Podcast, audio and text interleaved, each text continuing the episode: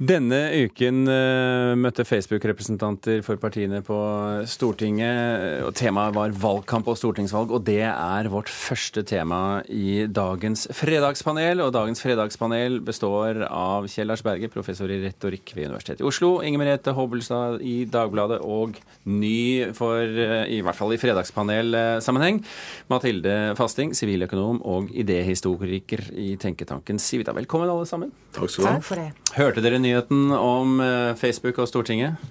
Ja. De har altså da, de har altså da eh, diskutert, eh, stortingspolitikerne, sammen med Facebook eh, nå denne uken. Spørsmålet vårt er, og det er enkelt, bør norske politikere samarbeide tett med Facebook? Ja, hvorfor ikke? Nei. Nei. Hvorfor ikke? Um, altså, når det er sagt, så er det masse negative sider ved at Facebook er så tungt inne i politiske prosesser og valgkamper slik de er nå. Men det at norske politikere er opptatt av den beste måten å gjøre det på, at Facebook er opptatt av å posisjonere seg, tenker jeg er en litt sånn naturlig konsekvens av verden slik det er blitt. Og som sådan er det ikke noe galt med det. Altså at man utnytter de kommunikasjonskanalene som fins når man prøver å bli valgt og sånn. Ja. Unnskyld at jeg avbryter deg nå, Inger Merete. Vi har et, et, et, et bord som dere Hvis det er noen som nå nå skulle synes at det er litt sånn rart inne i studio her, så er det fordi at dette bordet driver og går opp og ned av seg selv. Så nå får vi vår produsent inn, så skal vi kanskje få trukket strømmen på, denne, på dette bordet. Um, så fortsetter vi, og så later vi som ingenting. Uh, et, et, et, et, bord med egenvilje, det er akkurat det vi trenger. Kanskje det er Facebook som Kanskje det er Facebook. Ja, de vet alt vi driver med. Ja, herregud, nå ble veldig irritert. Ja. Mathilde Fasting, dette er jo selvfølgelig helt utmerket start for deg å få et uh, sinnssvakt bord uh, når du debuterer i Fredagspanelet. Men vi prøver likevel.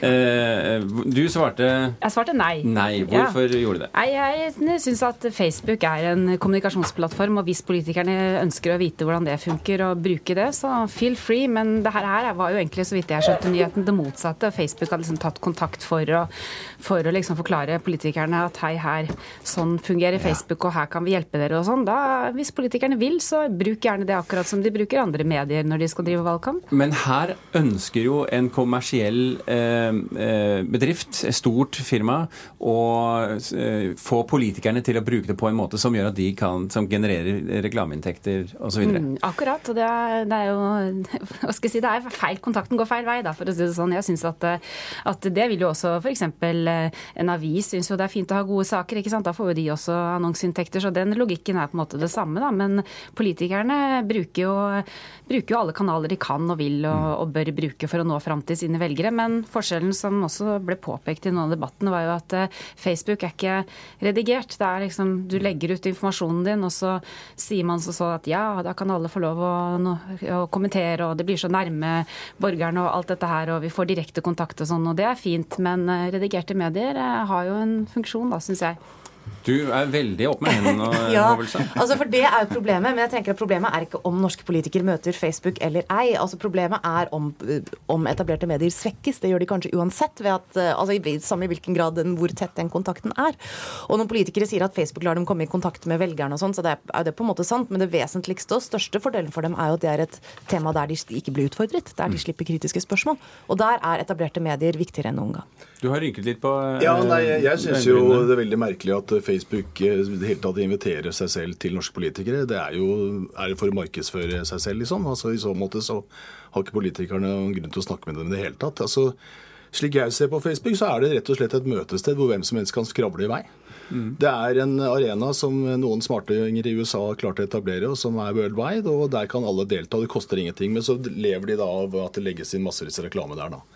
Og Der kan man diskutere fritt. Man kan legge ut bilder av kaffekopp man har drukket på kaffebrenneriet, og man kan diskutere politikk som Ustad fyker. Det er et helt vanlig sted. Det er et torg. Mm. Og eh, Om politikere deltar der eller ikke, det er også helt eh, åpent. Det kan du gjøre. Noen politikere gjør det, og noen gjør det bra, og noen gjør det veldig dårlig. og noen er det ikke der i det hele tatt. Sånn at det er alle, alle muligheter til stede. Men som det, vi, det, er i samfunnet men, for øvrig. Men det vi så under valget i USA, var at Facebook hjalp politikere å treffe nøyaktig et, en demografi, og derav eh, få en slags eh, fordel i valgkampen? Ja, altså det, jeg er veldig skeptisk til påstandene. Jeg syns at valgforskningen ikke dekker, altså bekrefter det inntrykket. Det er mulig i USA, hvor altså det i liten grad i dag finnes gode nasjonale medier som folk flest kan samle seg rundt. Avisene er svekket osv. Situasjonen i Norden og Norge er jo definitivt veldig annerledes enn her i USA. I Norge leser man aviser, man leser tidsskrifter, man følger med, avis, nei, følger med på radio og TV. Så det er, det er, en helt annen situasjon, altså. Ja. Vi, eh, vi, har fått kontroll på det vanvittige bordet vårt, så vi hopper videre til eh, neste spørsmål i ro og mak. I går sa altså kommunalminister Sanner at regjeringen burde ha lyttet bedre til folk i prosessen rundt 22.07-minnestedet, eh, men at vi nå bør samle oss rundt Utøykaia som minnested. Og så hørte vi i dag Kjetil Tredal Thorsen på sin side si at staten burde lyttet bedre, og at prosessen egentlig burde begynt nå. Så spørsmålet vårt er, og vi kan begynne med deg Kjell Lars. Skal vi nå bare sette strek over hele greia og begynne på nytt? Ja. Nei. Nei. Hvorfor sa du ja? Nei, altså, Jeg syns jo dette er en veldig underlig sak. Og jeg personlig syns det er veldig merkelig at hvorfor ikke kunne man bygge dette fantastisk flotte minnesverket som denne svensken har laget for det norske samfunnet. Det er jo et strålende monument, og jeg begriper ikke reaksjonene på det.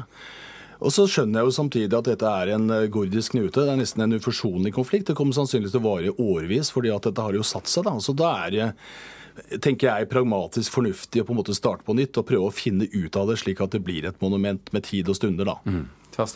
Altså, jeg er enig i at prosessen har vært eh, veldig lang, og at man, man, må på en måte ta det med i betraktning når man ser på noe nå. Men jeg er også enig i at kunstverket er kjempefint. Så jeg, også har jeg en følelse av at de menneskene som bor der, som har vært eh, særlig eh, både berørte og nå engasjerte, selvfølgelig, eh, de ser Utøya Altså, de sitter jo, de bor jo sånn at de ser selve stedet hvor det skjedde hele tiden. ikke sant? Så jeg, Det er jo nok i seg selv til å være en veldig veldig påminning om hva som skjer. Både selve kaia og også da selve øya, som du kan se fra veldig mange steder, både høyt og lavt. Så eh, det kompromisset, eller hva jeg skal si, det som har kommet fram nå, at du har kaia hvor de tross alt kom inn, og så hadde du et eh, forslag om å kjøre opp på Utsikten, som er et sted som ligger litt høyere opp. Det er kanskje en, en løsning som de bør gå for, men på et eller annet annet tidspunkt så må man sette strek. Og som han arkitekten i Snøhetta sa her også, så er det jo litt det samme med Ground Zero da, i, i, i New York, som han hadde vært eh, ansvarlig for. Snøhetta var eh, laget. Og det er tiden til hjelp, og det har gått noen år nå, så mm. man bør lande. For det handler om følelser, påpekte Tredal Thorsen. Ja, og det er jo noe av det som har vært så vanskelig med denne debatten, og som er vanskelig med så mange ting knyttet til 22.07. ikke sant? Det er jo at så mange mennesker har tunge traumer med seg fra den dagen og kan henvise til dem. ikke sant? At det er hva som nå vil være ståstedet som de har i forskjellige spørsmål her. Og det er jo ikke noe vanskelig å se for seg. ikke sant, Ha respekt for disse Utøya-beboerne som har ikke sant, sett fryktelige ting den dagen. Samtidig, som ble påpekt i kommentaren i Dagsavisen, så er det jo også andre som har blitt sterkt berørt her, og mer enn dem. Altså de som faktisk har mistet barna sine, mistet nære familiemedlemmer. Så det er jo noe med også å ta hensyn til deres følelser og behov for å ha et sted å gå til for at dette skal markeres på en måte av nasjonen, da, som de også nasjonale eh, traume det var. Og det stemmer helt sikkert at kommunikasjonen har vært eh, for dårlig her. Og jeg har kanskje en slags følelse av at det også er mer enn kanskje selve plasseringen, at det er følelsen av å bli oversett og forbigått og regnet som uviktig som har gjort at dette har blitt så fastlåst. Og det er en følelse som jeg kan se for meg kommer til å dempes i årenes løp, men som kanskje kommer til å vedvare hvis dette flæres opp på ny. Mm. Uh, som er en desto sterkere grunn til å samle seg rundt en løsning nå. Vi har tre minutter igjen av sendingen og må ta siste spørsmål, folkens. Til helgen, altså i morgen, så arrangerer partiet Rødt sin egen festival, eh, Popvenstre. For kultur og politikk hører sammen, sier de, og det sa de til oss i går. Det er ikke noen grunn til å ta kunsten på alvor slik den er i dag, svarte da redaktøren i det konservative magasinet Minerva. Spørsmålet vårt er som følger. Er det det valgkampen trenger? Eh, mer kunst og kultur? Nei. Eh, for så vidt ja, men ikke på denne måten. nei. Uh, nei. OK, fasting. Jeg føler at jeg har svart nei på alle spørsmålene ja, det, her nå. Veldig negativ. Men eh, nei, jeg hørte på det innslaget og tenkte med meg selv at jeg syns egentlig at kunst fungerer jo kjempefint politisk når det, når det, bare oppstår kunst som man må ta stilling til i, i hva skal vi si, All kunst lages for et publikum, ikke sant? og publikum lar seg engasjere av kunst. Det er jo det ultimate for en kunstner. Så la det nå være med det. Og så kan heller kunsten, hvis den er politisk, eh, kjempefint, og at den treffer noen ting, veldig bra, men ikke liksom gjør det motsatt vei. Og så forsøke å lage, lage ta politikken først, og så kunsten etterpå. Ja, altså, min grunnholdning til kunst er at den skal være fri, den skal være autonom, den skal være frisatt sånne politiske preferanser og partier. At den virker politisk, det er en helt annen sak. Men uh, poli, poli, politikk Det har du ikke noe mot? Det, det får være opp til kunstneren, for å si det sånn. Og eh, Hvis man integrerer liksom spesielle kunstneriske uttrykk i visse partipreferanser eller partipolitiske agendaer, så blir det ofte ganske døve greier. altså. Du prøvde å nyansere ja-nei-svaret ditt? Eh, Prøver alt jeg kan. Dere gjør det så vanskelig. Uh, nei, men altså At kunst og kunstpolitikk kan være tyngre inn i valgkampen, det håper jeg skjer. Det er et felt som uh, altfor ofte blir stemoderlig behandlet og, og, sett på som noe ekstravagant. Uh, det jeg derimot syns man ikke trenger mer av, er politisk ladet aktivistisk kunst.